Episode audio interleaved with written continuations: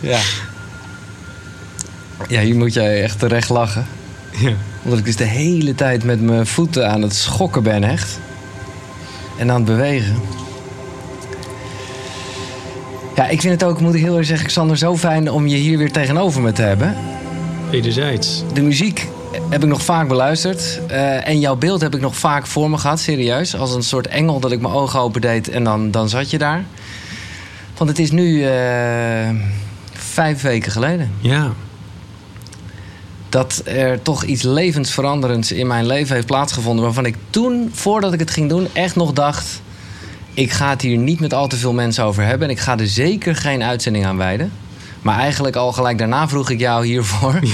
Omdat ik gewoon toch dacht: ja. ik ga het wel, nou ja, prediken klinkt weer net alsof ik een standje ga maken en het zelf ga verkopen. Dat is niet helemaal waar. Maar ik heb het al best wel veel mensen aangeraden eigenlijk. Ja. Vind je dat gek? Nee, nee, nee. Nee, want je bent... Door de ervaring ben je uiteindelijk op een ander inzicht uitgekomen. Ja. En toch van plan om het te gaan delen. En dat is eigenlijk precies de reden ja, waarom ik er eh, jaren geleden mee begonnen ben. Omdat het zo mooi is, dat wil je niet voor jezelf houden. Nee, dat is het echt. En ik bedenk me nu, want ik, gewoon omdat ik nu aan het rekenen ben dat jij tegenover zit dat het vijf weken geleden is. Dat betekent dan dus ook, en daar ben ik helemaal niet bewust mee bezig geweest, maar dat ik vijf weken lang. Nou, dat is nog wel het grootste ding in mijn leven. Mensen die me kennen, die weten dat. Vijf weken lang al geen, of zes weken dus eigenlijk met een week voorbereiding, geen frisdrank heb gedronken. Ja. En ook geen alcohol en ook niet blowen, Ja. maar dat laatste is al, al wat minder bijzonder. Ja. Maar geen frisdrank was totaal geen intentie, maar ik heb er gewoon ook de behoefte niet aan. Mooi hè? Ja. Eigenlijk is dat nog het mooiste. Ja, dat is echt wel super mooi. En ik had een hele zachte landing, want ik ben eh, daarna drie weken op tijdloos geweest. Een ja, spirituele camping zou je kunnen zeggen. Waar ik heel veel uh, Koekeroe podcasts heb opgenomen. En ik lieg niet, van de twintig mensen denk ik dat tien daarvan ervaring hadden met ayahuasca. Dat was natuurlijk ook echt een beetje de surrounding. Ja. Maar het is dus wel iets wat op zich meerdere mensen kennen. Maar eh, nou ja, vanavond blijkt ook wel weer aan de animo hier in de Ademtoren... dat veel mensen erin geïnteresseerd zijn. Ja. En uh, om nog maar te zwijgen over de mensen die luisteren en kijken. Uh, jongens, mag ik een applaus voor Xander van der Zijde. Dank je, dank je. Hij is uh, mijn reisleider geweest. Dat is ja. ook zo hoe jij jezelf noemt, toch? Innerlijk reisleider? Innerlijk reisleider, ja. ja. ja. En dat is precies wat het is. Ayahuasca is een plantenmedicijn. Uh, ik dacht eerst gewoon dat er maar één plantenmedicijn was, maar er zijn er vele dus. Absoluut. Wat, ja. wat zijn allemaal plantenmedicijnen? Of zijn alle, ja, in de basis zijn ook de medicijnen bij de apotheek natuurlijk ergens van een plant, of althans de basis. Ja, ja zijn er later wel wat meer mensen, ja. mensenhanden bij, bij nee, betrokken precies, geweest. Precies. Dat is het mooie aan, aan een plant, is om het zo min mogelijk uh, te beïnvloeden. En je hebt alleen al van de combinatie waar ayahuasca ook van gemaakt is. Het plantenbrouwsel van een mouwremmende stof en een DMT-houdende uh, stof. Ja. Heb je ook al uh, 40 tot 50. Dus je hebt heel veel combinaties ja. alleen al mogelijk. Ja. ja. Voor de duidelijkheid, het is zeker niet iets wat per definitie nodig is om de verdieping in je leven te krijgen. Of de opening, of hoe je het ook wil zit. Het zit natuurlijk allemaal in ons. Kijk, ik heb koekeroe zo genoemd, omdat ik erin geloof dat in ons allemaal een goeroe zit. Dat, dat wij zijn met z'n allen God en die God zit in je. En daar wilde ik een woord voor verzinnen. En dus bedacht ik je inner goeroe en, en ja. dat werd koekeroe. maar door uh, ja, mijn ayahuasca-reis met jou... Um, heb ik het ook wel zo echt gevoeld. Mooi, hè? Dat, dat, dat, dat we ook zo allemaal connected zijn. Ik bedoel, ik zie nu een plant bij jou Ja. staan... die wel een beetje gewoon in een pot staat. Maar dan nog is het een plant. Ja. En is daar echt wel een, een, een connectie mee. Maar voor de goede orde, eh, eh, heb jij dat ook wel eens gehoord? Dat DMT, je noemde het stofje net al even. Dat planten, dat het verhaal is dat planten met elkaar... Ja, communiceren. Ja. Ja. dat vermoedt men. Het is nog Ja. niet helemaal nee, vanuit de we kunnen, wetenschap wij kunnen daar nog even niet goed met die planten We praten. vermoeden het inderdaad dat eh, DMT gebruikt wordt voor planten om met elkaar te communiceren. Ja. Ja. Eerst en het, even, en het is ook zo mooi, want voor mij bevestigt dat heel veel. Ja. Dat ik ook merk dat de vele mensen die bij mij eh, geweest zijn eh, voor een ayahuasca-ervaring ook echt heel anders eh, in de natuur staan. En connected. En voelen dat echt alles één is, ja. Absoluut. Even gewoon het technische verhaal. DMT is een stof die wij als mensen ook zelf aanmaken. Ja, En wat ayahuasca doet, is eigenlijk de rem een beetje... Of nee, dat zijn die mouwremmers. Ik weet niet, Ja. hoe, hoe werkt het? Even, Nou, mouw is een enzym. Hè. Ja. Dat wordt doordat, doordat je dat drankje inneemt, wordt tijdelijk dat enzym als het ware even platgelegd.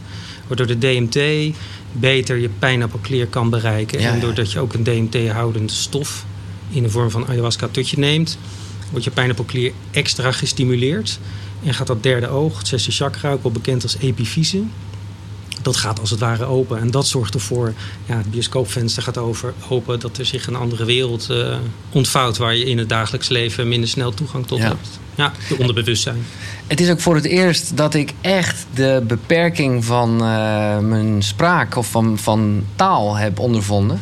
Terwijl dat toch voor een groot gedeelte mijn vak is of zo. Maar ja, dat is. Ineens voel je die beperking. Want Ja. als je het mensen probeert uit te leggen die, die helemaal niet ervoor openstaan, ja, dan, dan hoor je jezelf praten en denk je, ja, nee, dit is Ja. totaal niet wat ik Ja. bedoel. Want dan klinkt alles in één, ineens heel hippie-achtig. En Ja. eh, ja, dat is de taal. De taal heeft, eh, is ook energie. ja. heeft tegelijkertijd ook de beperkingen. Ja, omdat het zo'n intens gevoel kan zijn dat je woorden vaak tekort schiet. Ja, ik heb deze voor, voor de koekeroekjes die hier zijn, de ayahuasca special genoemd. Maar eigenlijk, eigenlijk had ik hem veel beter, bedenk ik me nu pas, de, de, de schildklier special kunnen noemen. Oké. Of sorry, de schildklier, eh, de pijnappelklier bedoel ik. Ja, ja, ja. De schildklier special. Nee, de pijnappelklier. Nee, maar omdat, dat, omdat dat, Ja. dat, dat is waar het hier eigenlijk allemaal om gaat. Vanuit mijn eh, visie inmiddels absoluut. Ja, absoluut. Er En de pijnappelklier die zit hier, echt het derde oog, Nou, het zit in het midden van je, het zit in het midden van mijn hoofd. van je hersenen. Van mijn hersenen, ja. Een klein, eh, een klein kliertje. En die staat in verbinding met je, met je derde oog. Ja. Ja. En wat doet, wat, wat, wat doet het? Ja, ongelooflijk Ja, veel. Ja, ik kan, Ja. er heel, ik kan er uren over praten. Ik heb ook al tientallen lezingen erover gegeven. eh, workshops over gegeven. Eh, het heeft mijn bewust worden van de pijnappelklier... en het bewust stimuleren van de pijnappelklier... heeft ervoor gezorgd dat ik heel anders naar de realiteit ben gaan kijken. En de realiteit is zeg maar het dagelijkse leven. Ja. En doordat ik dat beter kon schouwen, door als het ware een afstandje, afstand te nemen, hè, omdat je je bewustzijn vergroot. Want dat is eigenlijk wat de pijnappelklier doet zodra die gestimuleerd wordt. Ja, dan ga je van een afstandje kijken naar je eigen leven bijvoorbeeld. Mhm. Ja, wat, ben, wat ben ik aan het doen? Hè? Ja. En eh, dat kan voor enorm veel eh, inzicht zorgen. En voor mij is het echt een. Het is een antenne. Het wordt een kosmische antenne eh, ook, wel, ook wel genoemd. Heb ik ook nog een referentie aan een boek waar we het Oké, straks over ja, gaan hebben. En dat zorgt ervoor dat je in verbinding kunt komen met je hogere zelf. Met je, met je, met je geest en met je ziel. Ja. Eh, maar het zorgt tegelijkertijd ook voor dat je in harmonie kunt komen met eh, de natuur, eh, met jezelf, met je omgeving, met andere mensen. Nee, want ik, het, het kwam nog ook weer opzetten. Het was tijdens tijdloos op een gegeven moment 25 juli. En dat was volgens de Maya-telling precies halverwege het jaar of een soort tussendag. Ja, En ineens eh, dus had ik het met gasten erover hoe slecht eigenlijk onze telling is met de manen. En dat het helemaal niet klopt eigenlijk. Dat we eigenlijk de Maya-telling aan zouden moeten nemen. En toen hadden die gasten er ook over.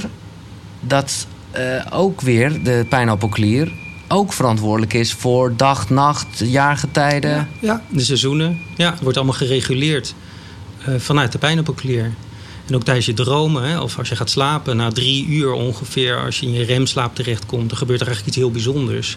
Er komt er een stofje bij, dat heet pinoline. Pinoline in combinatie met melatonine, een slaaphormoon, wel Ja. bekend. Ja. En dat zorgt ervoor dat die pijnappelklier DMT gaat aanmaken.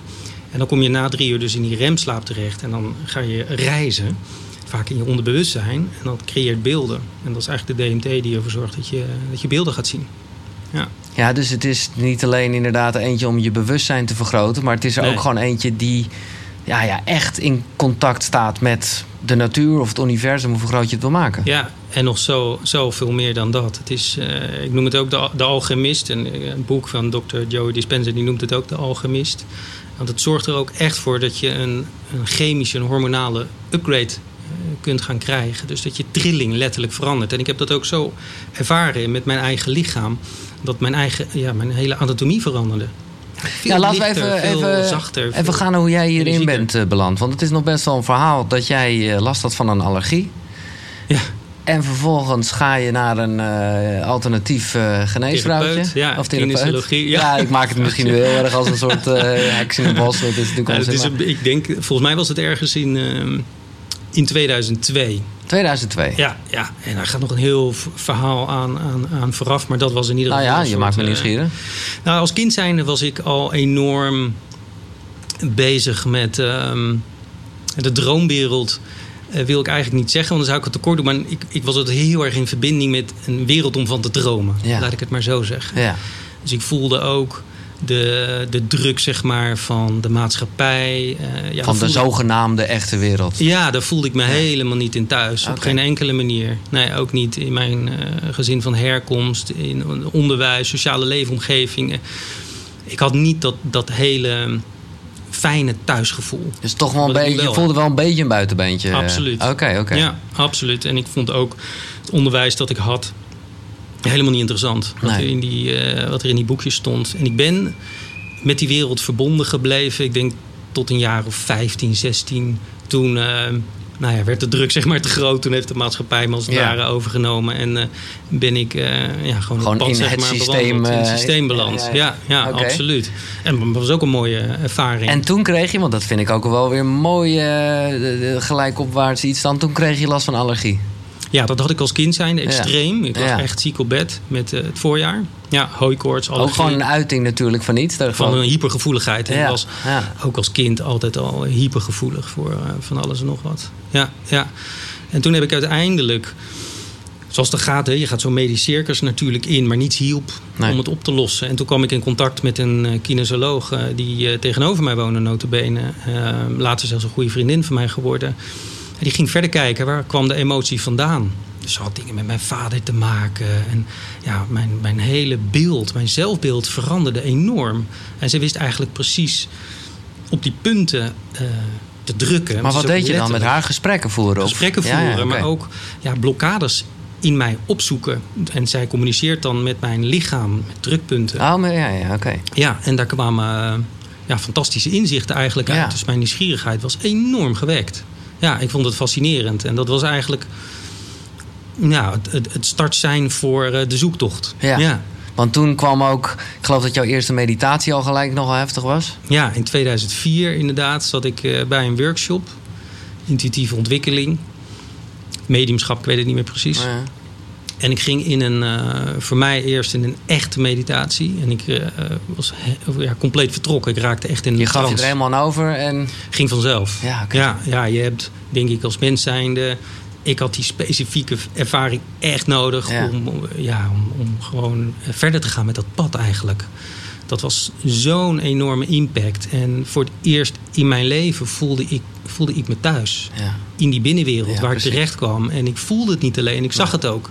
Ik denk, ah, mooi man. ik ben thuis. Want dat is nou echt eigenlijk op zich het plekje of het deurtje waar vele mensen naar op zoek zijn en Ja. heel veel moeite voor Ja. moeten doen. En jij kan die vanaf dat moment, of ja, het- Nooit meer losgelaten. Nee, precies.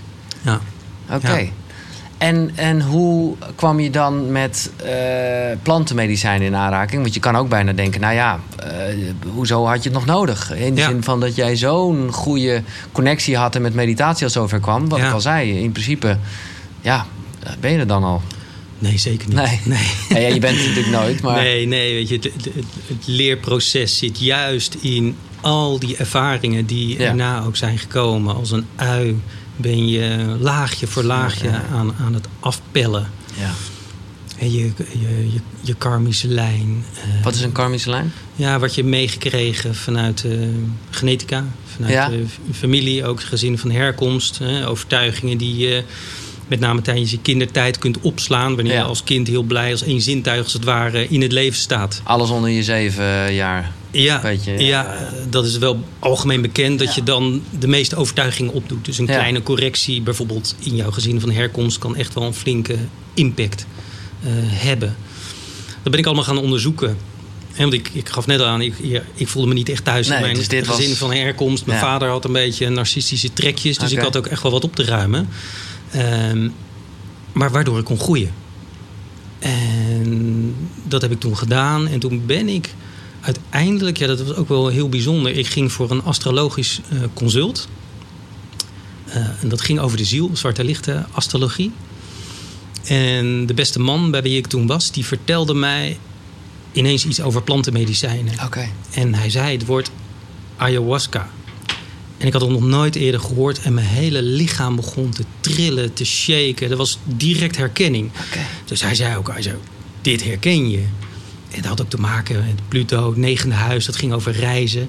Eh, dus het was eigenlijk een aaneen, eh opeenvolging van herkenning. Dus hij vertelde mij dat. Wow, dit, dit, dit is iets. Dat, dit, ja, Ja. blijkbaar mag ik daar iets mee.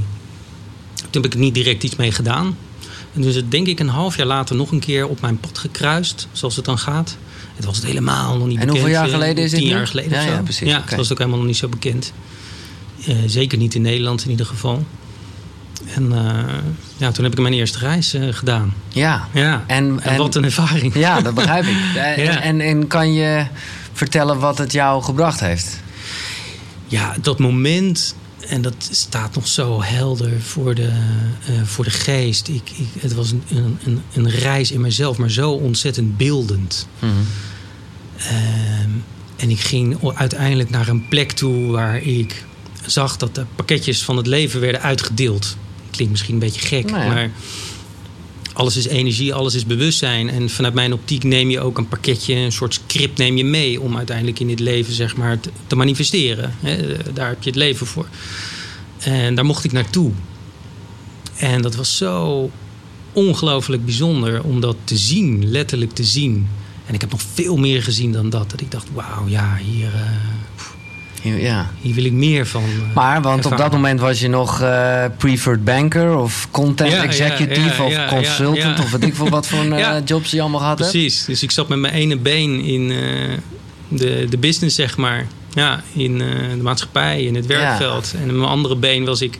Eigenlijk was ik in het weekend altijd heel hard bezig met eh, mediteren en weer ontspannen. En eigenlijk de boel weer een beetje recht trekken van eh, wat ik in die week allemaal ervaren had. Oh, het is een soort eh, door, jambers van door de week is maar in het weekend. Een hele andere man. Ja, Ja, oké. ja, ja. en dan ja, begon maandagochtend begon het riedeltje weer. Moeilijk lijkt me. Oh man, het was zo. Ik heb echt hard moeten strijden en moeten knokken om uiteindelijk zover te komen in 2014. Eh, Dat ik mijn baan opzeg, Ja. eh, ging opzeggen. Ja, ja. En was daar nog een soort speciale aanleiding of ben je daar zo langzaam... Daar groei je Naar gegroeid, ja, ja. je krijgt op een gegeven moment zoveel bevestigingen van synchroniciteit. Ik had ook een nummer eh, dat in één keer... ehm, What if I don't trust myself? Ik was aan het fietsen op eh Terschelling. En ik hoorde dat nummer. Ik denk, oh, nou ja. Bam, ja, het mooiste dat soort dingen. toen was het klaar. Toen zei ik, oké, nu ga ik er goed voor zorgen dat je goed weggaat. Ja. Ja, en dat heb Wat- ik toen gedaan. Want heb je ook altijd al wel het gevoel gehad dat jij als een, als een, als een leraar of coach, kan ik misschien beter zeggen, eh, ja, andere mensen hiermee ging helpen? Ja, ik ben eigenlijk toen in 2004, toen het voor mij begon in 2006, gaf ik al eh, workshops in Ja, Quantum ja. Touch. En ik had eh, in de praktijknotenbenen van die kinesiologen had ik minimaal 10 eh, cliënten per week. Ja, Ja, ik probeer het toch even voor mensen uit te leggen. Want jij zegt het net al eventjes van... eh, Ja, ik kreeg van die beelden en zo. Ik, ik, als ik gewoon kijk naar mijn eigen beelden... eh, ik heb jou gevraagd om wat dingen op te nemen. En ik had zelf ook nog een cameraatje de hele tijd aangezet. Ja. Ja. het is voor mij fascinerend om te zien. Omdat je dus... Ja, ik zie mezelf gewoon ook echt eh, genieten. Lachen. ja. Op sommige momenten ben ik ook. Ik weet nog ik bedoel, het is ook weer niet dat ik het helemaal niet mee heb gemaakt. Maar dan, dan, dan zit ik heel erg. eh, ja, echt, echt ben een beetje van links naar rechts te gaan. En een beetje de diepte. Hoe zeg je dat? De, de, de, het driedimensionale ja. te, te eh, zoeken. Ja. Omdat jij het wat vaker hebt meegemaakt en ook veel mensen over hebt gesproken. Er zal niet één reis zijn, want iedereen maakt zijn eigen reis natuurlijk. Maar is dit, is dit wel zoals iedereen er een beetje ingaat? Of hoe? Ja. Het is heel lastig, eh, ja. Heel lastig te zeggen. Ja, het is echt een, een, een individuele reis. Het is een. ehm, voor ieder is het dus, is dus echt ook iets, iets anders. ja. Dus bijvoorbeeld, hè, wat ik eh, nog heel goed kan herinneren, want het is, ik moet je eerlijk zeggen, het is een beeld of beelden. Het is een ervaring die voor altijd in me zal blijven, gelukkig. Ja, Maar ik kan me vooral, eh, oh, ja, zeker van het begin nog heel erg de, de alle kleuren herinneren. En ja, van die, van die geometrische vormen. Ja, ja. Maar Mooi, dat hè? is, dat is gewoon bij mij dan toevallig zo. Nee, dat hoort er wel echt bij. Oké. Ja, nee, als je DMT is een molecuul, hè, als je die paf, eh, helemaal plat zou slaan, dan eh, zie je precies de zeven kleuren van de regenboog eh, erin. Ja, ja, ja. En dat is wat je ook ervaart. Ja, En dat exact. het heel kleurrijk is en dat het ook echt gaat wat je beschrijft met golven, met Ja. geometrische figuren, waar alles in uit kan ontstaan. En alles, precies, want alles van de natuur bestaat natuurlijk ook uit die eh, geometrische ja, vormen. Ja, ja. En maar voor sommige mensen is het, ehm, is het meer een, een, een, een reis op fysiek niveau. Dus er vindt er echt een, eh, een reiniging plaats. Ik heb veel mensen ook gehad die eh, ja, een medisch circuit zeg maar, Mhm. achter de rug hebben gehad. Veel medicatie hebben Ja. ingenomen. Die, eh, ja, die hebben vaak een flinke opruiming, opschoning. Ja, precies. Gewoon letterlijk dat het uit alle krijgen. gaten eruit komt. Ja, ja, ja. ja. ja. ja. Nee, want zo ken ik het natuurlijk ook van de verhalen. En er zijn op een gegeven moment hele slechte verhalen over geweest. eh, omdat, eh, ja, toen was het inderdaad een soort hype. En dan was het verhaal van ja, en dan ga je alleen maar overgeven. Dan zitten er geen ramen in het gebouw. En dan hangen daar mensen uit. En ja. uiteindelijk, wij hebben het er nog kort over gehad. Is er destijds een soort akkefietje geweest. Wat notabene bleek later eigenlijk helemaal niet met ayahuasca te maken Nee, had. nee, nee. Maar ja, zo gaat het dan met Zo de media. dan. Dan, dan, Ja, staat het er slecht erop, in. Maar hoe gek is het, zat ik me nog te bedenken, dat natuur, dat, dat er dus bepaalde stukjes natuur verboden zijn. Ja. Dat is echt bizar. Dat is gek, hè? Ja, ja, ik vind het ook gek. Ja. ja. Betekent niet dat je er onzorgvuldig mee om moet Nee, gaan. En dat het ook voor iedereen eh, bedoeld is. En ik vind het, ik zou zelf echt opteren voor veel meer eh, controle erop.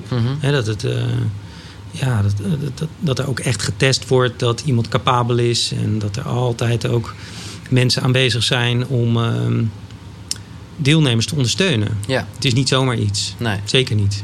Nee. Nee, nee dat, dat zeg je heel goed. En het is nogmaals iets wat je ook misschien wel, eh, of zeker wel van nature kan bereiken. Alleen het, het, het, ja, het, het gaat gewoon even wat sneller. Ja. Ja. Dat, dat is eigenlijk wat het is. Ja. En hoe, eh, want op een gegeven moment ging jij dan ook, eh, wat ik waanzinnig vond, los van de muziek die je afspeelde, ging jij ook ehm, eh, eh, ja, muziek zeg maar maken. Ja. En ja, ik heb dat gewoon gezien. Ja. Als in, ik zag muziek. Ik kan dat dus ook weer helaas niet in taal uitleggen. Ja.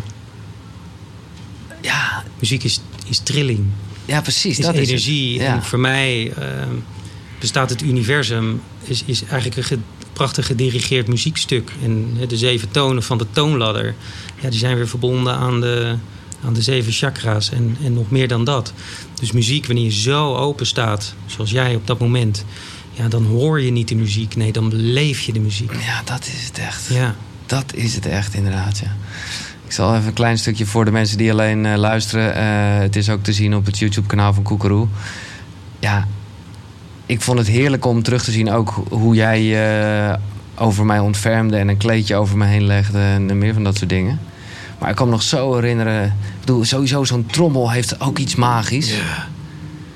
Dat gaat echt. Nou ja, Anders dan eh, wanneer je door een speakertje hoort. Dat is zo ja. intens. Ja, de- Maar jij zegt het al inderdaad, dat is energie. En, en wij hebben ook eh, nou ja, tijdens de, de ceremonie... we zijn er toch echt wel een volle dag mee bezig geweest. Ook, Ja. eh, omdat we twee keer achter elkaar hebben gedaan. Eh, ook heel erg gehad hierover. En ik kan me herinneren dat jij toen vert- eh, vertelde over... dat wij allemaal een x-aantal vierkante meter energie om ons hebben, zeg maar. ja. Hoe, hoe, hoe zit dat precies? ja, we zijn vibrerende wezens. Ja, En Dus wij hebben een elektromagnetisch veld om ons heen zitten. En dat hebben ze een keer gemeten. Dat schijnt iets van 16 vierkante meter te zijn. Dus als jij gaat reizen en je gaat je bewustzijn vergroten, die kosmische antenne, de pijnappelklier aanzetten, dan ben je als het ware in jouw eigen elektromagnetische veld, in die verschillende velden, mhm. ziel, de geest, je Ja. mind, eh, astrale lichaam, ga zo maar door.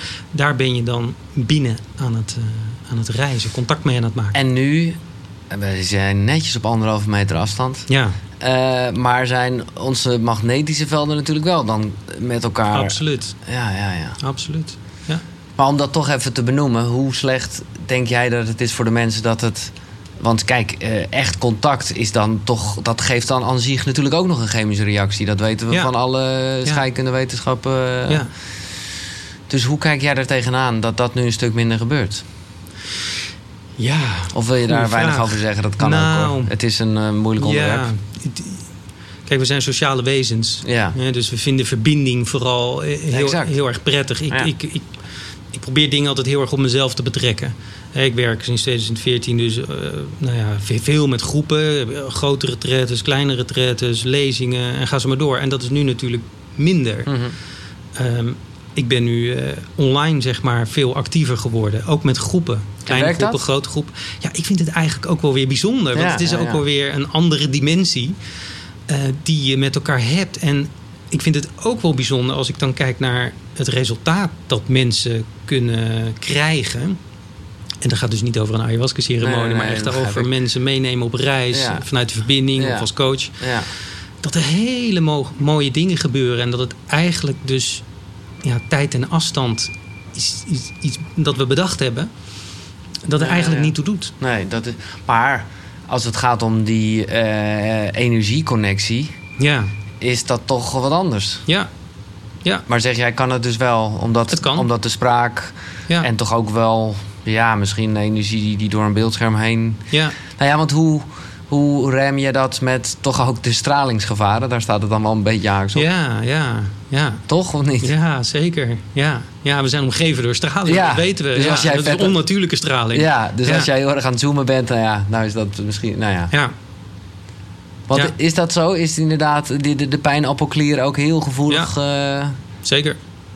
Ja, ja, ja. Er is een Zwitserse arts, ik ben even zijn naam eh, kwijt. Ehm, maar die geeft aan dat de trilling van 5G, de vijfde Ja. generatie, volgens mij is 2.4 GHz, dat het ook de pijnappelklier ehm, in negatieve zin beïnvloedt. En dat heeft er voornamelijk mee te maken dat de bloed-breinbarrière, Mhm. die houdt eigenlijk de zware metalen tegen, dat die niet de pijnappelklier bereiken, dat die eh, ja, poreus gemaakt kunnen worden. ja. En als die poreus gemaakt wordt en die zware metalen bereiken de pijnappelklier, ja, dan heb je een probleem met je immuunsysteem. Maar dan is dat dus sowieso iets. eh, Even los, want het is altijd 5G. Als je dat benoemt, dan word je gelijk natuurlijk een 5G-gekkie genoemd. Ja, Maar ergens hebben we daar dus nu ook al last van met onze wifi-modems en onze mobiele telefoons. natuurlijk. Ja, ja. Straling beperken is. eh, ik zet s'nachts bijvoorbeeld zet ik het modem altijd uit. En telefoon is sowieso eh, uit. En zeker niet in de slaapkamer. En je moet het doen met de dingen die je kunt doen. Ehm, dus probeer het zoveel mogelijk te beperken. Ja.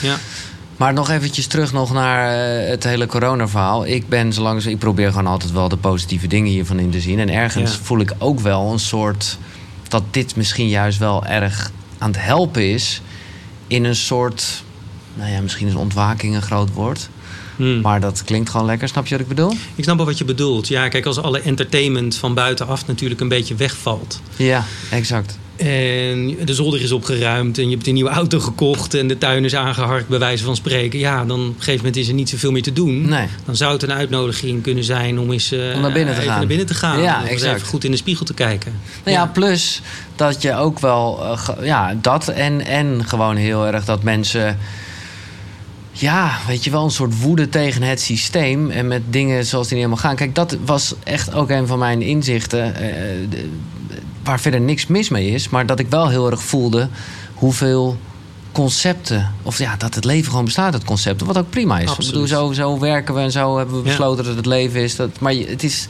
kan geen kwaad om dat nog eventjes goed te realiseren. En Ja. een aantal dingen daarvan, ja, daarvan twijfel ik wel eens. En gelukkig inmiddels wel wat meer mensen, of dat nou allemaal wel zo goed is. Absoluut. Ja.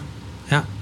ja, het is natuurlijk een enorm polariserende tijd. Ja, ja maar is dat misschien juist niet even nodig om hem... Tuurlijk. eh, Kijk, ja. vanuit, vanuit mijn ehm, visie eh, zijn die twee stromen die steeds duidelijker ook worden. Hè? En, eh, steeds versnipperd worden. Of je nou naar de politiek kijkt of op rasgebied. Ja, of nou, ga exact. ze maar door. Hè? Ja. Het gaat steeds verder eigenlijk Ja. naar buiten. Maar de ervaring is dat ze uiteindelijk weer samen gaan komen. Simpelweg omdat energie zo werkt. Ja. Je hebt een plus en een min en uiteindelijk komt het samen. Eh, Ook met je ogen, je hebt een plus en een min. En door neutraal te kijken, zul je eh, je derde neutraal, oog moeten naar je derde oog. Ja, Ja, ja, zul je derde oog moeten ac- eh, activeren. Maar denk jij dus ook echt, of hoop jij dat, of hoe sta je erin, dat wij met z'n allen daarin beter worden? Om, om nou ja, eh, om door dat derde oog te kijken, om het zo maar te zeggen. Om vervolgens ja, eh, een veel groter bewustzijn te hebben. En, en Mhm. ik hoor wel eens de termen vijfde dimensie en dat soort dingen. Ja, ja. ja, die hoor ik ook. Ja. ja. ja. Ja, ja ook dat is weer een concept. Hè? Ja, ik denk dat het vooral en je die op verschillende manieren kunt interpreteren. Het gaat vooral om de dynamiek, eh, denk ik, die, die erachter zit. En ik, ik zou ook bijna tegen mensen willen zeggen. ehm, zorg dat je niet te veel ergens aan, aan Nee. vasthoudt. Hè? Want hoop bijvoorbeeld is ook een beetje ja, is uitgestelde teleurstelling. Ja. Kijk naar wat je nu kon Verwachtingen doen. zijn sowieso niet zo lekker. Ja. Kijk, kijk naar wat je nu kunt doen. Wat je binnen je eigen cirkel, met je eigen leven... in positieve zin kunt eh, beïnvloeden. En hoe meer mensen er in harmonie komen met zichzelf... want daar gaat het denk ik Ja. altijd om, Ja. harmonie. Ja, hoe meer ook je andere mensen meeneemt... Goed in die, eh, in die energie van harmonie. En of het nu gaat tussen mensen onderling... of eh, met de natuur. eh, Ja. We zijn de creatoren van het leven, niet de vernietigaars. Nee. En ik denk dat dat een beweging die nu stap voor stap wel in het besef, in het bewustzijn van mensen aan het landen is. Van welke sporen laat ik nu achter in mijn leven? Laten we het even heel praktisch houden. Om inderdaad gewoon het, het bij jezelf te houden. Ja, Wat voor tips kan jij geven om meer vanuit je hart te leven dan uit je hoofd? kijk naar eh, de, de, de manier van consumeren.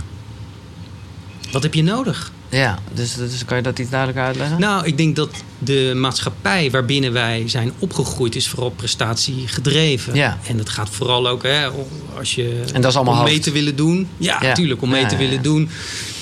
Ehm, ja, moet je een opleiding hebben en een goede baan... Ja. en de mooiste auto en het mooiste huis. En dan ja, kijk, ik heb, zo, want ik heb het zelf ook allemaal gehad. Ja, een Snelle prachtige leaseauto ja, ja. en eh, een dik appartement. En ik weet nog goed, een paar maanden geleden ging- liep ik eens naar de zolder toe eh, bij mij, of de vliering. Ik denk, nou, wat heb ik hier allemaal nog liggen? Wat, wat, wat kan ik wegdoen? Ja, Ja, gewoon alles eh Minimalisme. verkocht op ja, marktplaats gezet. En maar is dat dus uiteindelijk is dat echt een aanwijzing om meer vanuit je hart te leven? Omdat dat gewoon het eigenlijk. is een begin. Nee, Het is een- maar dat is een het begin. echt een eerste aanzet. En als je je projectie dus minder hebt op eh, de nieuwste telefoon... Ja. of de nieuwste tv, of Ja. de nieuwste auto... en Ook dus wat anderen vinden. Want daar wat is anderen vinden. daar Als is je dat een beetje ja. loslaat en meer naar je hart gaat luisteren...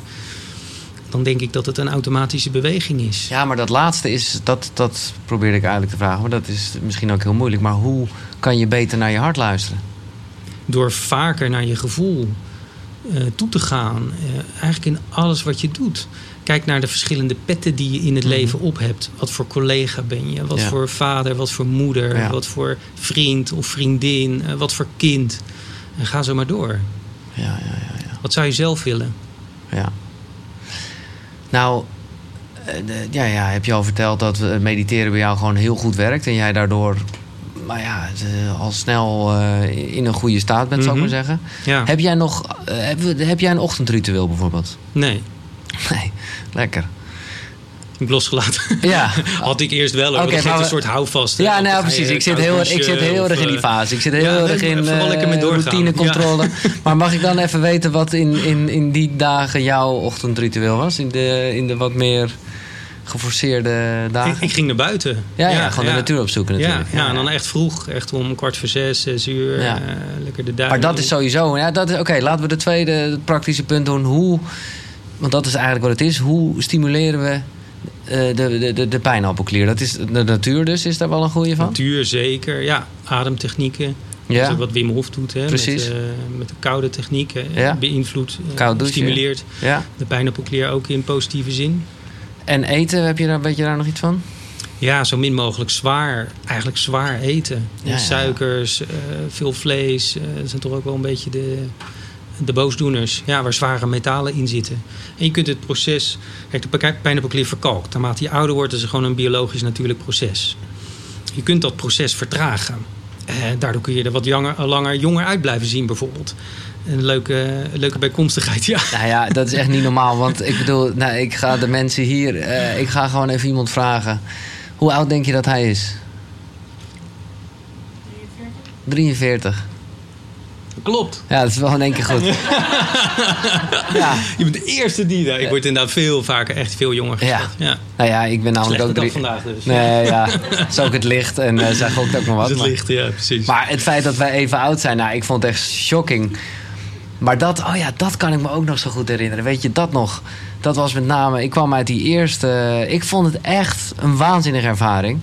Want op een gegeven moment kwam ik weer een beetje bij. Ik zag jou tegenover mij zitten. Je bent voor de duidelijkheid in het wit gekleed. Is ook heel lekker, want daarom is het in mijn herinnering ook een heel Sereen. ja, Ja. eh, precies. En ik zie jou zitten en ik, ik denk: oké, ik, ik, eh, ik voel me wel weer gewoon een beetje normaal. Dus ik vraag aan jou: hoe lang is het geleden ja. dat ik dat slokje nam? En dat was twee uur en drie kwartier of zo? Zoiets, ja. Nou, wat ik echt insane vond. Maar Ja. oké, ik had mijn bril niet op, dus ik kon de klok niet zien, maar dat was ook zo. En toen stelde ik, weet je nog welke vraag ik jou stelde? Nee, ja, ik weet het nog wel heel goed. Omdat ik het later ook heb ik nog een filmpje opgenomen. Ik heb nog een soort afterfilmpje opgenomen. Oh. Even waarbij ik bij mezelf in dialoog eh, ging. Ja, nou ja, misschien kan ik die... Laten we die gewoon even bekijken anders. Nou, ik ben thuis.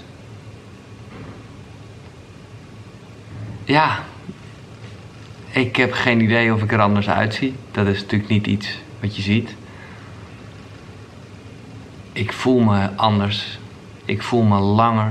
Ik voel me groter. Ik voel me vooral veel. Ja, veel meer lucht is er.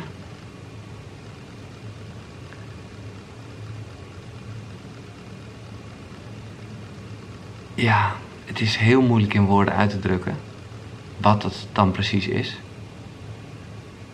Maar het is ja, wel echt verbinding met iets anders. Al die kleuren, al die mozaïekjes. En vooral, ja, gewoon zo je eigen gevoel voelen. Ja, dat je het ineens echt begrijpt. Dat, dat, ja, dat alle dingen maar concepten zijn. Ja, het klinkt allemaal veel te. eh. Ik heb echt mezelf als klein jongetje meegemaakt. Indrukwekkend. Ook, hè, dat was mijn intentie, kan ik nu wel zeggen. Het ging heel erg over zelfliefde. En dat heb ik echt gevoeld voor het eerst als het gaat over ik, zoals ik nu ben, naar dat kleine jongetje. Het was ook heel erg dat Xander me daarbij hielp en bij de tweede keer, eh, ja, eigenlijk op die manier de meditatie inging. En het was weergaanloos. Ik hoop echt dat ik deze kalmte altijd bewaar. Want. En dat had ik met name na de eerste sessie. Ik snap niet, echt niet, wat zorgen, wat dat, wat dat voor een zin heeft. nou weet ik het. Zorgen maken. Je zorgen maken om iets. Het is heel gek. Ik, ik, ik snap dat hele concept niet meer. Ja, het is, een soort, ja, het is natuurlijk een soort veiligheid of iets, maar het is, het is gewoon niet nodig. Het is echt zonde. Ja, daar, dat, dat, Ja, daar ging het ja, over. Daar ging het over. Dat Ja. ik daar echt. Dat ik dat. Ik weet niet waarom ik die vraag aan jou stelde, maar ik dacht even: je moet me even helpen. Want ik, ik ben even één belangrijke schakel kwijt. Waarom maken we ons zorgen? Ja. En ik kom hierop omdat ik dacht: ja, nu snap ik ook waarom jij er zo jong uitziet. Geen zorgen. Geen Voor de dag van morgen. Nee, ja. Nee, nee, dat is het. En dat is best een proces daar naartoe geweest. Maar wanneer je En geen zorgen voor dat je gaat echt niet om van oh kijk mij eens, maar wanneer je in het nu kunt leven zonder de ballast eigenlijk van het verleden als een soort ketting met je mee te dragen, ook niet geprojecteerd op de toekomst, hè? want dat is het. Ja. Als je daar niet mee bezig bent, ja, dan kun je als het ware meebewegen met, met het leven. Kun je dansen, een beetje die kant op en een beetje die kant op. Maar hoe. ehm, want ja, het is altijd natuurlijk een soort dunne scheidslijn tussen eh, geen zorgen maken, heel erg in het heden zijn. Ja, En ja, dat, dat kan lijken op onverschillig, ambitieloos. Ja, exact. Ja. Maar dat is het ook weer niet. Nee, dat is het ook niet. Al is ambitie ben ik ook wel met de energie van ambitie ben ik ook wel echt een tijd bezig geweest. Omdat ik eh, in mijn eh, begin, ik was nou toen de maatschappij zeg maar een grip op mij kreeg, ik had echt torenhoge ambitie. Ja. En het ging ook heel snel. Is ook lekker, was toch? heel snel, is ook heel kan, succesvol een doel stellen is op zich fijn. Ja, ja, ja, maar de hele energie ervan, die kan je zo in, in de greep eh, vasthouden. Mhm. Ja, dat het best lastig is om er daar uiteindelijk weer uit te komen. Hè. Vaak hebben we dan in één keer een soort stopbord voor eh, onszelf nodig door een situatie in ons Burn-out. leven. eh, ja. Een burn-out of Ja, whatever. ja, dat je even weer pas op de plaats maakt en daarover na gaat denken. Maar inmiddels ben ik wel ja, zover dat ik. Ja, ik vind, ik- vind dat er te veel negativiteit aan het woord ambitie voor mij. Hè? Dus mijn, Mhm. mijn beeld ervan hangt. Dus ik, ik heb niet. Ik heb absoluut een wens. Hè? Mijn, Ja. mijn missie is om de wereld iets mooier achter te laten dan hoe ik hem aantrof. Exact. Dat is mijn, mijn levensmissie. Ja. En Nou, daar, mijn- klinkt toch heel veel positieve ambitie. Zeker. En mijn ambitie is, ik ga het toch gebruiken. Ja. Mijn ambitie is dat om dat met mensen te doen die daar simpelweg hetzelfde in zitten. Ja, dat je echt als het ware compromisloos in die energie kunt stappen. En als je dat met zo'n groep mensen kunt gaan doen, ja, dan ben je echt tot grootste dingen Ja. in staat. Want wanneer je mensen hebt die er toch meer uit eigen belang in zitten. En dat heb ik ook een paar keer meegemaakt in de samenwerking. Dan stroomt het gewoon niet. Dus het is allemaal niet kosten wat kost. En het heeft sowieso niks nee, meer. Nee, het gaat ook niet om mij. Nee. Dat, is, nee, dat is helemaal niet belangrijk. Maar ik vind dat je het best ambitie mag noemen. ja, Want het is een mooie ambitie. het is een drive. ja, zo ja oké, ja, precies. Dat Ja. is dan een iets Ja. positiever woord. ja. Dus nou ja, dat was na- namelijk gelijk ook mijn vraag. Maar dat heb je dus nog wel degelijk. zeker. Ja, Ja, een drive. ja jij bent heel erg eh, zelf... Nou ja, ben je eigenlijk een beetje gestopt met het begeleiden van, eh, Ja. van, van dit soort rituelen. Ja. Waar- waarom eigenlijk? Nou, eind 2018 was voor mij... Toen ben ik ermee gestopt. En dat gebeurt dan ook wanneer je een aantal signalen krijgt... door gebeurtenissen, zeg maar. Ja. Tijdens een ceremonie dat er een keer wat gebeurt. Eh, ik had inmiddels toen mm, zes, zeven mensen... die af en toe namens mij ook ceremonies gaven. Ja, Eh, eentje die het ook echt kon leiden en de andere die begeleidde eh, daarmee. Ehm, en dat was mijn idee om, om het op die manier levende zeg maar, te houden. Eh, maar ik kwam al vrij snel achter dat dat ook niet de bedoeling was. En ik voelde toen letterlijk zoals het bij mij gaat. Ik kreeg dan een inzicht. Zo van, nou, het is, het is klaar. Dus heb ik een tal van inzichten gehad. nou, En dan luister ik ernaar. En ehm, dat heb ik toen eind 2018 gedaan. En toen werd ik, de, ik, volgens mij echt een paar dagen later, werd ik gebeld door eh, Peter de Harder. Ja. Hij zit hier ook vanavond. Ja. Film en documentaire maken. Of ik mee wilde werken aan zijn eh, documentaire over eh, Oh, onder andere toen je net gestopt was? Toen ik- nou, toen ik net besloten had dat ik had gestopt. Mooi moment. Ja, of dat ik zou gaan stoppen. Ja, zegt verkeerd. Ja, dus dan word je, voelde ook een beetje een soort test. Hè? Je wordt af en toe op de proef gesteld. Ja, van, weet je het wel zeker? Ja, ik wist het zeker. Maar je hebt hem nog wel geholpen. Ja. Absoluut. Ja. En eh, ik heb meegeholpen, eh, meegewerkt aan zijn prachtige documentaire. Ja, dat was zo mooi. En ook de Ja. connectie met Peter. Ja, dat, nou ja, die is nog steeds levendig. Ja. Geweldig mens. Dit is uiteindelijk ook onze link geweest. Op is een, onze link geweest. ja. Ja, En ik ben ook heel blij dat, jij zoiets had van... Ah, dit voelt goed en ik maak ja en dan doe ik dat. Want dan... Dat klopte gewoon. Ja. En dan, dan doe ik het wel. En, Maar was het dan echt heel veel vaak- business geworden? Of eh, kan je... Ja en, ja en nee. Ik merkte ook wel dat... Ik merkte dat ik veel meer na ging denken, denken over de risico's. Ja, ja, ja. En ik merkte ook dat het echt een gigantische verantwoordelijkheid is Ja. die je draagt. En ik bood toen ook dagceremonies aan. En ja, die zaten, ik heb het vijf jaar of zo gedaan, die zaten altijd vol. ja. En dan heb je tien mensen eh, of zo. En die komen dan 's ochtends. Die hebben een super intense ervaring. En aan het einde van de dag gaan ze weer weg. Maar die, ja, ik voel me daar nog steeds wel verantwoordelijk voor. ik en ik weet niet wat ze gaan doen. En toen is het een paar keer... ehm, nou ja, door een ervaring zeg maar, die, ik had, eh, die ik had gehad met mensen die zijn weggegaan. Ja. Niet dat het heel erg was, maar voor mij was dat een Ja, signaal. zo van, nee, dit, dit wil ik gewoon niet meer. Dus, eh, Nee. ik, ja. Dus mensen, Xander van der Zijde, hij doet dat niet meer. Maar hij Nee. coacht nog wel, hij traint nog wel. Hij eh, heeft een hele mooie cursus over nou ja, de, de, de de pijnappelklier. magie van de. De En Ik geef wel privé-retretes dan, maar met ayahuasca, maar dan echt in, in een specifieke doelgroep. En zelf heb je het ook al een tijd niet gebruikt. Klopt, ja, bijna anderhalf, twee jaar niet meer. Ja. En dat gewoon omdat het goed, zo goed voelt. Jij bent al op een soort level. Ja, ja. Ik, het is, ik, ik voel de roep niet meer. Nee. En ik kan me echt nog verbinden met die, met die wereld. Ja. En ook tijdens mijn dromen. De- het is- precies, Het, is, ligt allemaal zo dicht dat- op elkaar. is- als we het de hebben over- is weg. Ja, als we het hebben over DMT. Nou, je noemde al dat het in je slaap ook een belangrijke rol heeft. Ja. Je, je dromen gaan er dus ook goed op. Ja. En ik weet niet of mensen het eh, begrip lucide dromen kennen. Dat betekent dat je je dromen kan sturen. Ja, Daar ben jij nu in toe, hè? ja. En ja, ik kan daar helemaal niks bij voorstellen. Want voor mij zijn dromen, als ik ze al herinner, meestal niet eigenlijk. Ja. Maar de laatste tijd wordt beter. ja. Ik moet zeggen, niet blowen en zo heeft daar een Dat gunstig scheelt een effect. Ja, dat scheelt echt heel veel. Ja, nee, het vertroebelt. Eh, en ik merkte dan ook weer, dat was, ik weet niet of jij daar dan ook eh, nog eh, iets van hebt gemerkt. Maar het was gisteren volle maan. Ja, En ik merkte ook, jongen, dat ik dacht: oké, er gebeurt een hoop, weet je wel. Zweten, bizar, terwijl ik dat helemaal niet Ja, zo heb. En, eh, omdat je, je wordt steeds gevoeliger, echt ook door het stimuleren van die pijnbekken. Je wordt steeds gevoeliger voor universele energie. Dat heb ik ook met de maan, waar normale eh, de, de maancyclus van de vrouw. Dus het is, vanuit Mhm. mijn optiek is de maan wat meer gekoppeld aan, aan de vrouwelijke energie. ja. Eh, maar dat betekent niet dat de mannen er geen last van tussen haakjes Is toch ook kunnen- grootmoeder maan, of hebben. Ja, een grootmoedertje maan, ja, zo zou je het kunnen zeggen. Ja. Ja.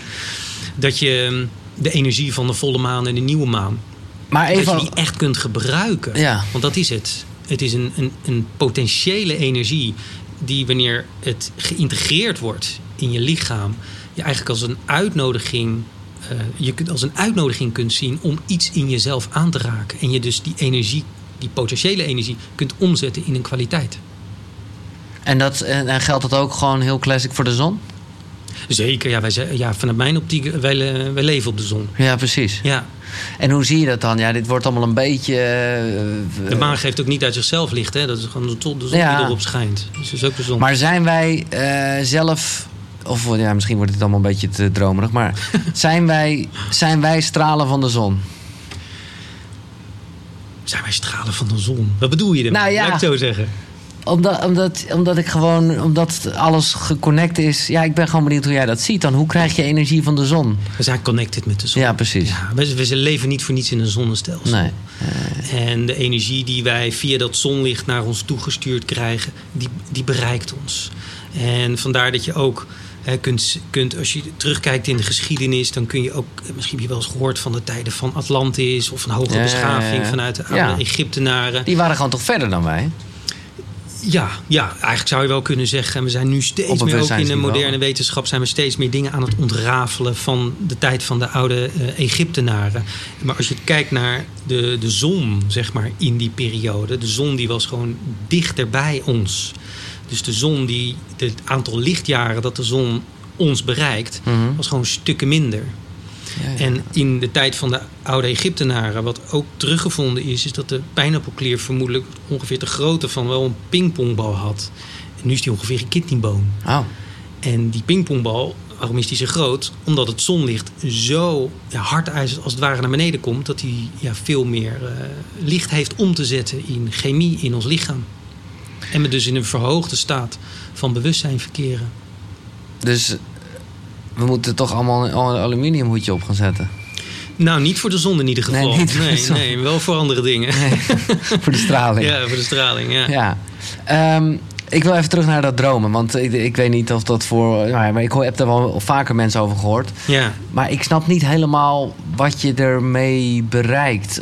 Want jij stuurt dan je dromen of je krijgt inzichten door dromen. Hoe... ja, absoluut. Nou, het is juist super interessant ten eerste om je dromen te gaan interpreteren. Ja? En vaak nemen we letterlijk de, datgene dat we bijvoorbeeld zien in een droom nemen we letterlijk tot ons. Mhm. Maar heel vaak als je er echt naar gaat kijken. En je gaat kijken ook naar de personages van een droom. Je kan bijvoorbeeld dromen over een eh, oude klasgenoot van 20 jaar geleden. Dan denk je, lekker belangrijk. Daar, eh, Mhm. daar had ik nooit contact mee. Maar toch, als je daar naartoe gaat en je het gaat onderzoeken wat voor rol die Ja. persoon in jouw leven heeft ingenomen. Met andere woorden, welke energie hij of zij Dan zit uitstraalt. Dan zit daar een boodschap in. En ik, ik heb vaak van die pingpongavondjes zeg maar, met mijn vrouw. Maar mijn vrouw droomt ook heel veel. En dan zijn we onze dromen elkaar aan het vertellen. En dat is super interessant. Want je kunt daar echt enorm leuke, ten eerste leuke gesprekken over krijgen. Nou, we hebben geen tv, dus we, we pingpongen lekker dan Lekker. zo'n avondje met dromen heen en weer. Ja. En je krijgt gewoon fantastische inzichten. Maar heb Ja. je dan echt pen en papier naast je bed liggen? Of Hoe moet ik dat zien? Ja, pen en papier. Ja, ja, want als je wakker wordt, zeg maar. En ik word heel vaak wakker. Dan zit ik echt nog in zo'n trance staat. Dus dan is mijn lichaam ook echt aan het vibreren. Dat voel ik. Ja. En ik herken die staat. Ja. Ja, dan weet ik die droom nog. En dan denk ik, oh ja, trrrt, even snel opschrijven. Dan, nou, Oh. dan reizen we weer verder. Vet. Maar is dat ook Ja. gewoon trainen? Ja, dat is wel... Ja, ja. Absoluut, learning by doing. Ja, sommigen hebben daar natuurlijk talent voor. Eh, Ik moet daar, ehm, ja, eh, ik heb het gewoon moeten trainen. Ja. Ja. Maar dat lijkt dus best wel. Daarom snap ik ook dat jij eh, dan ayahuasca Ja. eigenlijk niet meer nodig Ja. hebt. Of in ieder geval Nee. geen behoefte aan hebt. Want dit is wel heel erg Ja, te vergelijken daarmee, toch? ja absoluut. Ja. Ja. Ja, wat ik ook fascinerend vond. Ik heb dus ook, eh, nou ja, ik zei het net al een beetje in het afterfilmpje. Heel erg mezelf als klein jongetje gezien. Ik was daar totaal niet naar op zoek. Maar echt inderdaad beelden waarvan ik echt niet meer wist dat ik ze had. Waarvan ik echt Mhm. nooit meer over nagedacht had. En echt een naam van de, van de schooldirecteur. En een beeld van de, de, de- door een glas in loodraam. Dat ik echt dacht, wow, wow, wow, wow. Ja, inderdaad, dat was zo. ja. Maar wat ik ook echt wel gaaf vond en, en fascinerend... was dat jij had gezegd... in het begin kan het even zijn dat wat beelden van vandaag... door je hoofd heen gaan. ja. Nou heb ik gewoon 's ochtends vroeg een radioprogramma. Dus ik had al een behoorlijke dag erop zitten. We hadden om tien uur afgesproken, maar mijn dag Ja. begint om vier uur. Ja. En ik dacht nog, nou ja, het zal wel meevallen, want ik heb niet zoveel meegemaakt. Ik heb gewoon eh, een normale uitzendingje gemaakt en zo. En het was zo random als een computer echt. Dat ik in het begin tjik, tjik, tjik, tjik, tjik, allemaal Ja, flarden van collega's, van eh, de, een stukje in de auto. Gewoon dat, ik, dat je echt ineens wel even voelde Ja. van ja, we zijn ook best wel computers. Absoluut. Ons brein is een megacomputer. En wij zijn gewoon wandelende databases.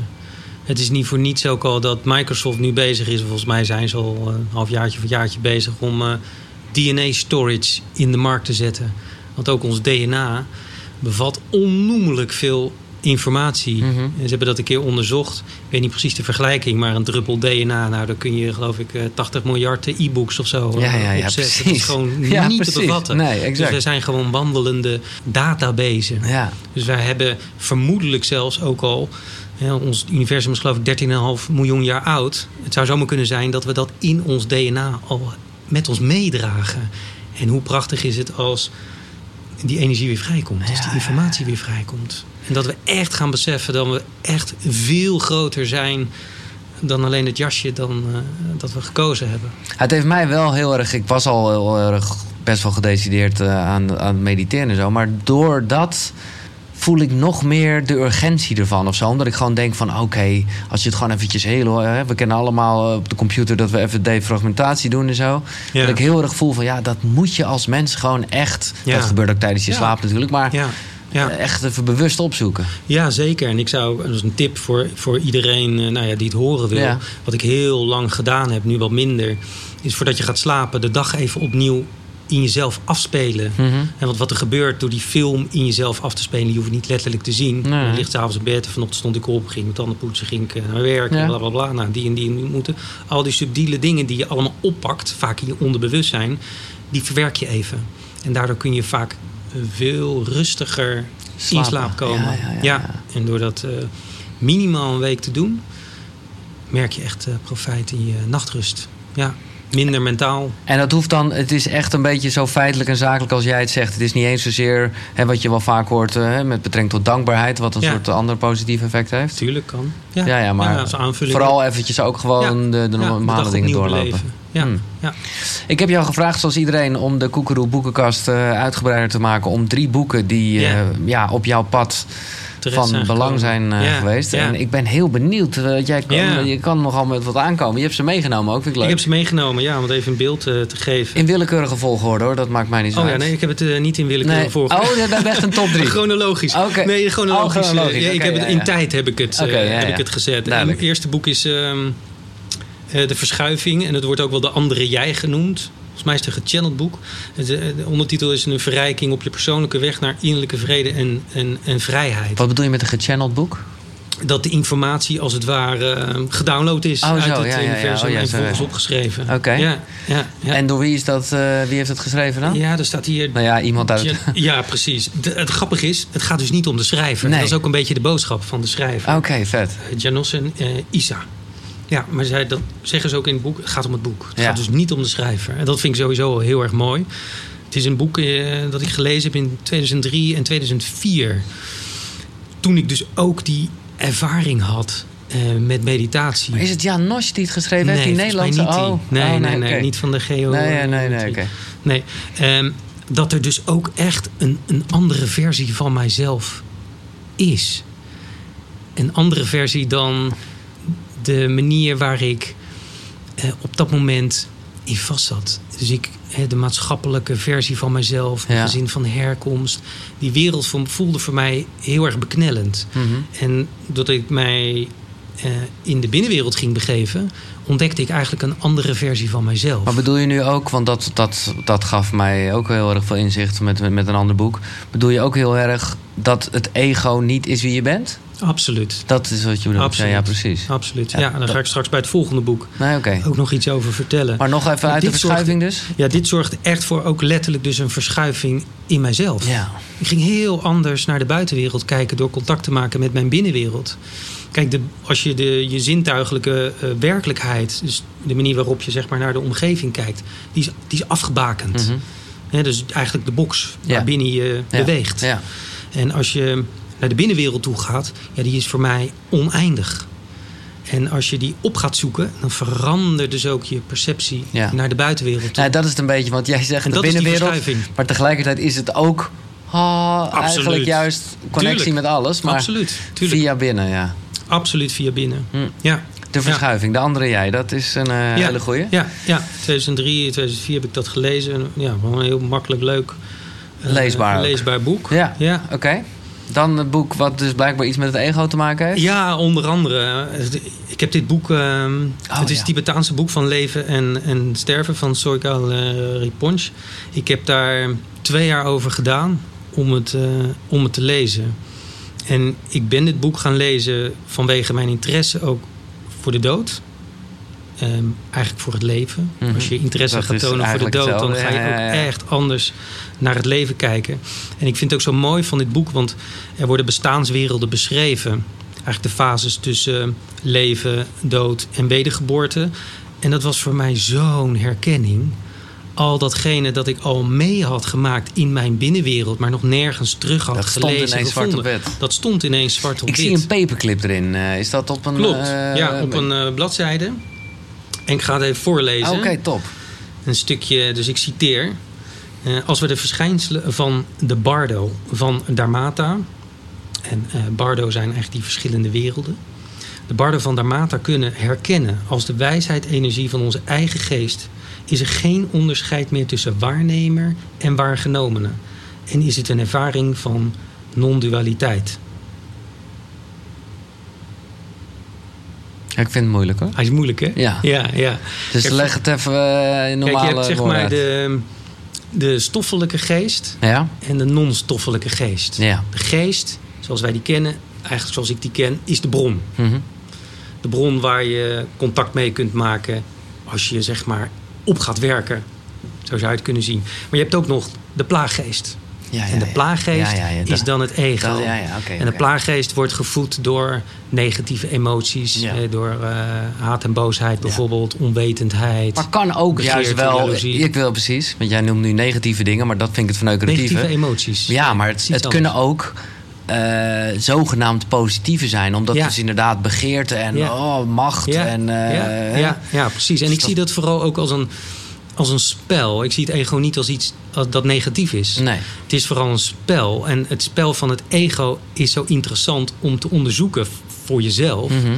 Omdat je er dan achter kunt komen op welke wijze je veel meer de regie Ja. van het spel kunt Ja. krijgen. In plaats van dat het spel met jou een spel speelt. Het geeft de aanwijzingen waar wat zit. Exact. Ja, en als je die dynamiek gaat onderzoeken, dus op basis waarvan heb ik voeding nodig voor mijn ego.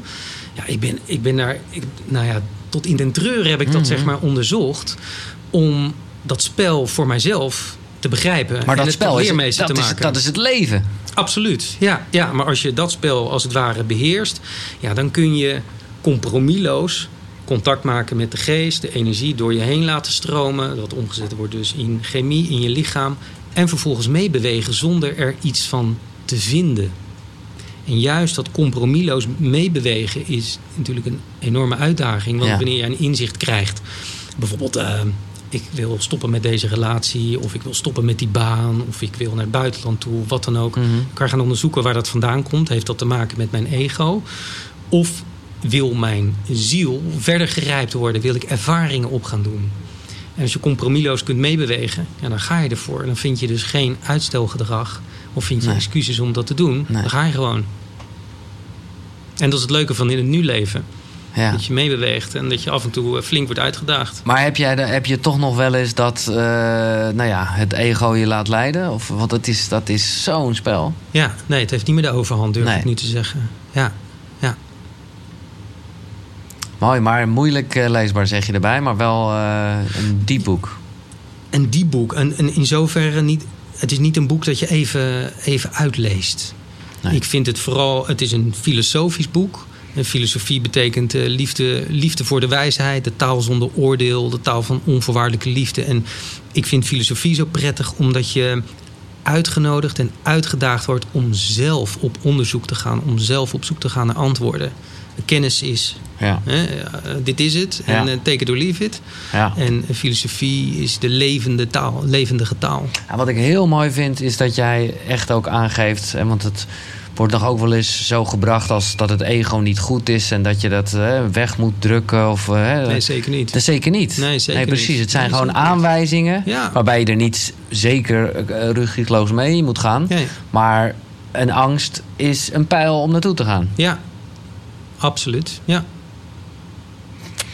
Oké, nou, de stof tot nadenken ook weer in dit boek. Ja, Het Tibetaanse boek van eh, Leven en Sterven. ja echt. Um, uh, ook zeker als je geïnteresseerd bent of misschien zelfs wel een angst hebt ook voor, voor de dood, dan uh, is dit echt een, een aanradertje. Ja. ja. Ik heb een uh, Engelstalige boek ook nog meegenomen. Van Dr. Joey Dispenza. Ja, je noemde hem al eerder even. Ja, Becoming Supernatural. En hier zie je mooi de hermetische staf, ook als staf van Mercurius genoemd wordt, uh, wordt hier met twee vleugels. En dit is de kop, dit is de pijnappelklier. Oh, oké. Okay. De kroon. Ja, ja, ja. ja Corona, ja. kroon. ja, oh god. Meer gaan we er niks meer over zeggen. En nou ik vind ja. het zo mooi uh, van, uh, van hem is dat hij eigenlijk wetenschap en spiritualiteit met elkaar heeft verbonden. Dit is niet zijn bestseller, toch? Dat is een andere. Weet ik niet. Eigenlijk ook het enige boek nou, dat ja, ik van hij hem. Heeft, hij heeft een andere uh, heb, hele bekende. Heb gelezen. Om, dit boek resoneert heel erg met mij. Waarom? Omdat het ook uh, een hoofdstuk bevat over de pijnappelklier. Ja, ja, precies. En ja. Wat, wat, wat, heeft, uh, wat heeft het jou geleerd? Juist door de wetenschap die hij hier ook in benoemt. Ja, vielen er zoveel dingen bij mij op zijn, op zijn plaats. Ja, ik zit even te zoeken hoe. Ja, volgens mij heeft hij wel heel veel boeken uh, ja, hij heeft geschreven. heel veel boeken geschreven, ja. ja. Uh, oh ja, Breaking the Habit, overstijg jezelf. Of dat is eigenlijk deze natuurlijk vertaald. Oh ja, You Are the Placebo. Dat is volgens oh, mij ja, een ja, beetje... ook een mooie. Ja, Want hij heeft toch titel. ook... Is hij niet de guy die ook, een, een, ook weer een soort eigen ademhalingsachtige techni- techniek Ja, ja, en die lijkt heel erg op die van, de, Van Wim Hof? Van Wim Hof. Ja. Ja. Ja, klopt. Ja, hij zegt ook, schrijft hij ook in zijn, broek, eh, in zijn boek... als je tussen 1 en 4 uur s'nachts uh, die oefening gaat doen... dus die ademtechniek... maar eigenlijk is het, het het oppompen ook. Dus je stuurt energie naar boven toe via je lichaam... naar die pijnappelklier. Ja, dan zet je die aan en tussen 1 en 4... dan zit je eigenlijk al in die natuurlijke Mhm. cycli... waarbij die pijnappelklier dus meer supermelatonine, Ja, ja, ja. gezondheid, maar DMT eh, aan gaat maken. Dat je dan echt ja, eigenlijk psychedelische ervaringen kunt krijgen. Door eh, in verbinding te komen met die eh, andere sferen. Ik zag daar laatst al iets over dat jij postte. maar ik weet het niet meer precies. Om, om gewoon nog even op die pijnappelklier te blijven. Wat, wat kunnen wij doen om die jongen, of die vrouw, weet ik veel... om die klier eh, even lekker positief te stemmen? Ja, sowieso ontgiften. Ja, Ontgiften is eigenlijk iets dat je dagelijks eh, kunt doen. En hoe doen we dat? Met groene algen. groene algen. Ja, spirulina, eh chlorella zijn, ja, ja. bijvoorbeeld is eh, goed. Eh, Jodium. Ik, denk, jodium, ik weet er nog te weinig van, maar op een of andere manier vind ik jodium ook super interessant. Daar is, eh, zit ook denk ik nog wel een heel verhaal aan vast. Eh, ginseng Ja, het is ook iets dat je kunt eh, gebruiken. En wat ik net al zei, eh, wat je kunt voorkomen is in ieder geval elektromagnetische eh, straling. ja. Hè, dat is Daar gewoon mee oppassen. Ja, Ja, ja. absoluut. Wifi, eh, telefoon. Die met je oor, zeg Maar maar. heb jij geen wifi thuis? Ik heb wel wifi thuis, Nee, natuurlijk. Nou, ja, ja, nee. Maar ik trek het alleen s s'nachts eruit. Ja, ja, Ja. precies. Zo'n guy weet Altijd. wel. Oh, wat goed. Ja. En ben jij dan, als je zegt ginseng en zo, moet ik gewoon gelijk denken aan extra pillen en zo? Nee, neem Ja. jij zelf Ja. supplementen? Ja, ja nee, ik, ik heb een slow juicer waar ik eh, vaak groene algen in combineer. Ja. Eh, maar ik gebruik ook eh, koriander, is bijvoorbeeld ook iets dat echt goed is voor het ongiften. Niet lekker? Nee. Nee. Fucking Oh, gehoord. ik vind het echt heel lekker. Ja, dat is toch het hele ding met koriander. Hele door Peterselie. Peterselie, ja. Maar bijvoorbeeld de ginseng en zo, gebruik je echt supplementen als in pillen? Die kun je, ja, die zitten vaak. En waar gebruik jij het? ja, ja, ja. Ja, Ja, ja. En dan nog wat zink, magnesium, dat soort Zink dingen? ook. Ja, ja. En gewoon, eh, los van het eten, eh, ja, denk ik toch ook weer dat, dat ja, rust in je hoofd, dus meditatie. Ja, Ja, het is, Ja. uiteindelijk is het weer allemaal dat. ja. Je noemde al even de dood, hè? Of nee, nee, nee. Er is nog één ander onderwerp wat ik altijd aansnij, wat, waar we het nu totaal niet over gehad hebben, maar ik ben toch benieuwd. Hoe, ehm, wat heb jij met tantra? Niet zoveel nog. Nee, Nee. ik heb wel. Ik heb nog niet veel ervaringen, in ieder geval in specifieke technieken eh, met Tantra. Maar daarentegen wel vrij veel met Kundalini-energie. Ah, ja. En dat zit vrij dicht volgens mij tegen Mhm. Tantra eh, aan. Ehm, ik heb zelf meerdere Kundalini-ervaringen gehad. Eigenlijk die, je ziet ze ook eh, in het boek. Op de kafsies voorbij komen de twee slangen Verstrengeld? verstrengeld die Ja. elkaar ontmoeten. Het zijn eigenlijk twee energiestromen die langs, langs onze rug zeg maar, naar boven gaan. Voor mij is het de- het slangenvuur, de hemelse en de aardse mens die elkaar ontmoeten in twee slangenkoppen die ontspruiten in, Mhm. die, in die pijnappelklier. Die, die dus ook wel soms, in ieder geval, weet ik uit mijn eigen ervaring, soort Ja. van zichtbaar worden Ja, tijdens een eh, ayahuasca-ceremonie. Of misschien ook andere plantenmedicijnen. ja. Niet voor niks eh, zien we het ook op ziekenhuis. eh, hoe zeg je dat? Ja, is het van, de, ja, van de medische ja, wereld? Ja, het komt weer ook nog terug te herleiden van de, de hermetische staf, de hermetische leer. Gaat heel ver, ver terug in de tijd waar eigenlijk alle religies uit zijn. Maar wat is Kundalini dan? Ik heb één ervaring ermee waarbij ik een beetje moest dansen. Of me, Ja. in mijn buik heel Kan erg. me En, opwekken. en Ja. vervolgens ging dat automatisch. En dat Ja. was fantastisch, moet ik ja, zeggen. Ja. Maar ik weet niet eigenlijk... Als jij zegt, daar heb ik ervaring mee. Wat heb je daar... eh, ja, het is echt een ongelofelijke, als je die ervaring een keer hebt gehad, een ongelofelijke boost aan energie. ja, oké. En dan echt allesomvattende energie. Ja, het gaat voor mij veel verder dan alleen een eh, erotische energie Ja, ja, of alleen een orgasme of wat dan ook. precies. Het is echt Levensenergie. enorme boost aan levensenergie die eigenlijk met bijna niets te vergelijken is. Ja, ja het is echt eh, alsof je in één keer helemaal aanstaat. Ja. Maar is het, eh, want dat is wat mij heel erg fascineert eh, met de tantra. Is het, is het als een orgasme zonder klaarkomen? Ik weet Nee, niet hoe dus- jij klaar. Nee, eh, nou ja, dat weet ik wel. Nee, ja, goed. Ik zal er echt een keer mee ophouden. Want mensen worden er gek van. Ik heb inmiddels al heel veel tips gekregen. En ik zal het vooral Ja. in mijn eigen tijd gaan uitzoeken. Maar ik ben gefascineerd sinds ik daarover hoorde. Ja. Omdat, ik, omdat ik gewoon, ik ga het toch nog een keer uitleggen. Anders denken mensen weer dat het gewoon een beetje ordinair is dat ik het over seks wil hebben. Helemaal niet. Maar ik geloof gewoon in alles dat dat zoiets puurs is en iets moois. Ja. Wat helemaal kapot is gemaakt door de wereld waarin we leven. Met een bepaald soort Ja, filmpje wat we in honderdduizend keer eh, zien. helemaal mee eens. En daarom vind ik het gewoon zo mooi. Omdat ik, omdat ik daarnaar zelf op zoek ben. En ik het gewoon, toen ik daarover hoorde dat, dat een man dus een orgasme kan krijgen zonder ejaculatie, voelde dat zo als iets krachtigs. Dat ik Iets dacht, puurs, als iets ja. puurs, ja. Omdat het dan niet daarover gaat. En het is niet die verkramping is. En het is ook niet in die ademhaling gaat die we allemaal kennen van die foute filmpjes. Ja, En daarom stel ik die vraag ook. Omdat er, eh, ja, nou ja, ja, daar zit gewoon heel veel in, denk ik. ja. Eens. Nee, het is het opwekken van een, een liefdesenergie. Ja, en, en ergens is dat zo erg. eh, ja, dat is de basis, dat is de kracht, dat, Ja. is, dat is waar het allemaal Ja. om gaat, toch? Ja, ja, en ik denk dat wij over een fantastisch instrument beschikken. Hè, ook eh, ons lichaam, Ja. ook eh, de pijnenbokleer. En zo zijn er nog veel meer fantastische instrumenten in ons. Als we daar onszelf weer mee gaan verbinden, eh, bewust van worden... en het ook een beetje gaan onderzoeken, gaan trainen...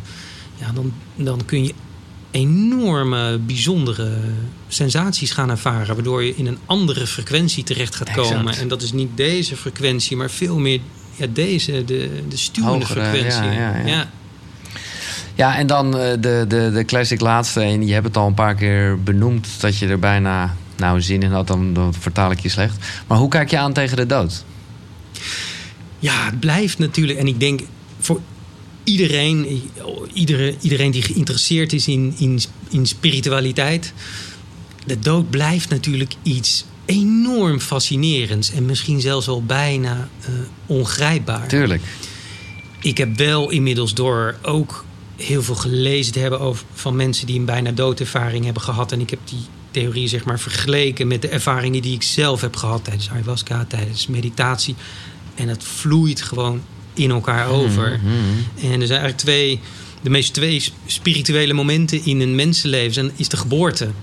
En bijzonder is, dan gaat die pijnappelklier ook extra DMT aanmaken. En dat gebeurt ook tijdens het proces van sterven. Ja.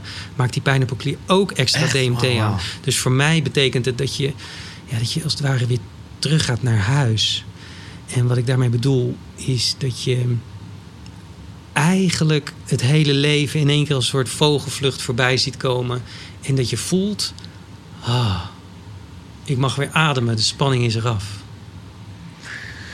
Ja, kun je dat iets duidelijker uitleggen in hoeverre je dat kan, maar hoe je dat dan ziet met het verschil tussen de energievorm en het poppetje, zeg ik maar even, of het lichaam? Ik denk eh, dat het heel groot vers- eh, Ja. verschil is per, per individu. Op per individu verschilt dat? Ja, zeker. Ja, ik kan me niet voorstellen. Kijk, als jij in dit leven er helemaal niet mee bezig bent geweest, eh, dan kan ik, kan ik me ook zomaar voorstellen dat het misschien best nog wel ver- verwarrend is.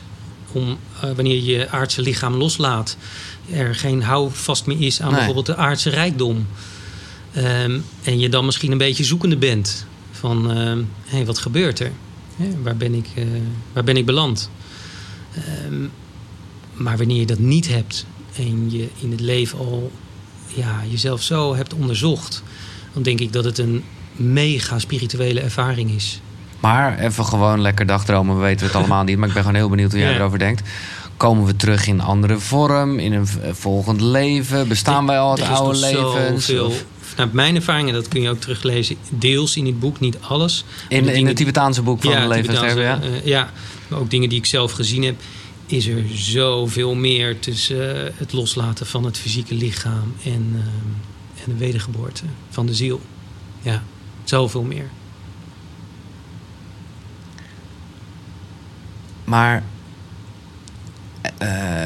dat vind ik, heb jij het gevoel dat je dus ook de persoon die je nu bent, ook gevormd bent, niet alleen door je opvoeding, maar dan misschien ook nog eens een keer door Ja. vorig. Ja? Ik kan mij, en dat is echt iets van de laatste vijf jaar, kan ik me steeds meer vorige levens herinneren. Oké. Ook met beelden, ook met namen, eh, jaartallen. En dat, ik heb het opgezocht. Klopt.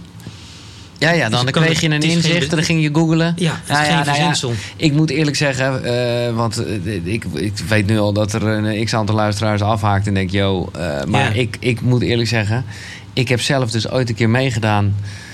Er was toen even zo'n hype op televisie, was een regressieprogramma waarbij Ja. mensen naar hun vorige levens gingen. Nou, Ja. ik naar die gast toe. Ja, Nou, ik heb daar ook echt. Eh, ja, een, een, een verhaal. Ja. Het is niet, ik bedoel, ik heb het niet gegoogeld of gevonden, maar het gaf mij wel onwijze inzicht ja, van een, een, een, een François op een. eh, eh, nou ja, in een, in, een, in een kasteel lang geleden ergens. En dat was heel erg. Ik, ik voelde toen heel erg een soort prop in mijn keel. En dan ging ik aan dood. En ik voelde heel erg. En dat heeft me tot op de dag van vandaag wel ja, een soort verklaring gegeven waarom ik zoveel wil Mhm. omdat ik toen als zoon van een of andere rijke gast gewoon niks gedaan had in mijn leven. En op het einde echt Hmm. dacht, ja, waarom heb ik niks gedaan? Eh, Hmm. Zonde van mijn tijd of zo. En ineens kwam dat verhaal in mij dat ik ook dacht, weet je, ja, dat is, Oh ja. ik verzin het niet. Nee. Ja, voor mij dagelijks werk bezighouden met regressie. Dus vandaag Ja, nee, zo oké. op, Nee, oké. op reageer. Voor mij is het Nee, maar goed, maar dan, dan bestaat de dood dus. Nou ja, bestaat de dood natuurlijk altijd. Natuurlijk bestaat de dood. dood is het begin van iets, iets Ja, anders. precies. Iets Ja, ja, nieuws. En eh, vaak gaat het... Zeg maar, het script dat je hier in dit leven uit te rollen hebt... dat kan ook nog deels een stukje verder gaan. Ja. Op dat niveau. Maar je hebt wel die fysieke manifestatie nodig... van die ziel die incarneert, die in dat vlees komt... om eh, te ontdekken, om te Hmm. leren. En dan echt tenslotte, want we kunnen uren doorlullen. Maar Ja. wat, wat staat er dan nog in jouw script? We hebben het al een klein beetje over iets. Jij wil het niet ambitie noemen, maar Ja. drive dan. Ja. Maar wat, wat, wat, wat staat er nog in het script voor eh, de persoon Alexander van der Zijde? Ben ik niet zo mee bezig. Nee, Dat dat is echt niet. Nee, ik ben daar wel super echt relaxed. mee bezig geweest hoor. En Ja. dat was uiteindelijk ook een beetje het grijpen. Hè? Iets proberen Ja, jezelf houvast, neer te ja. zetten. Van oeh, kijk mij eens. Ja, ja, ja. Go with Waar de flow, wind, ik ja. zie het wel.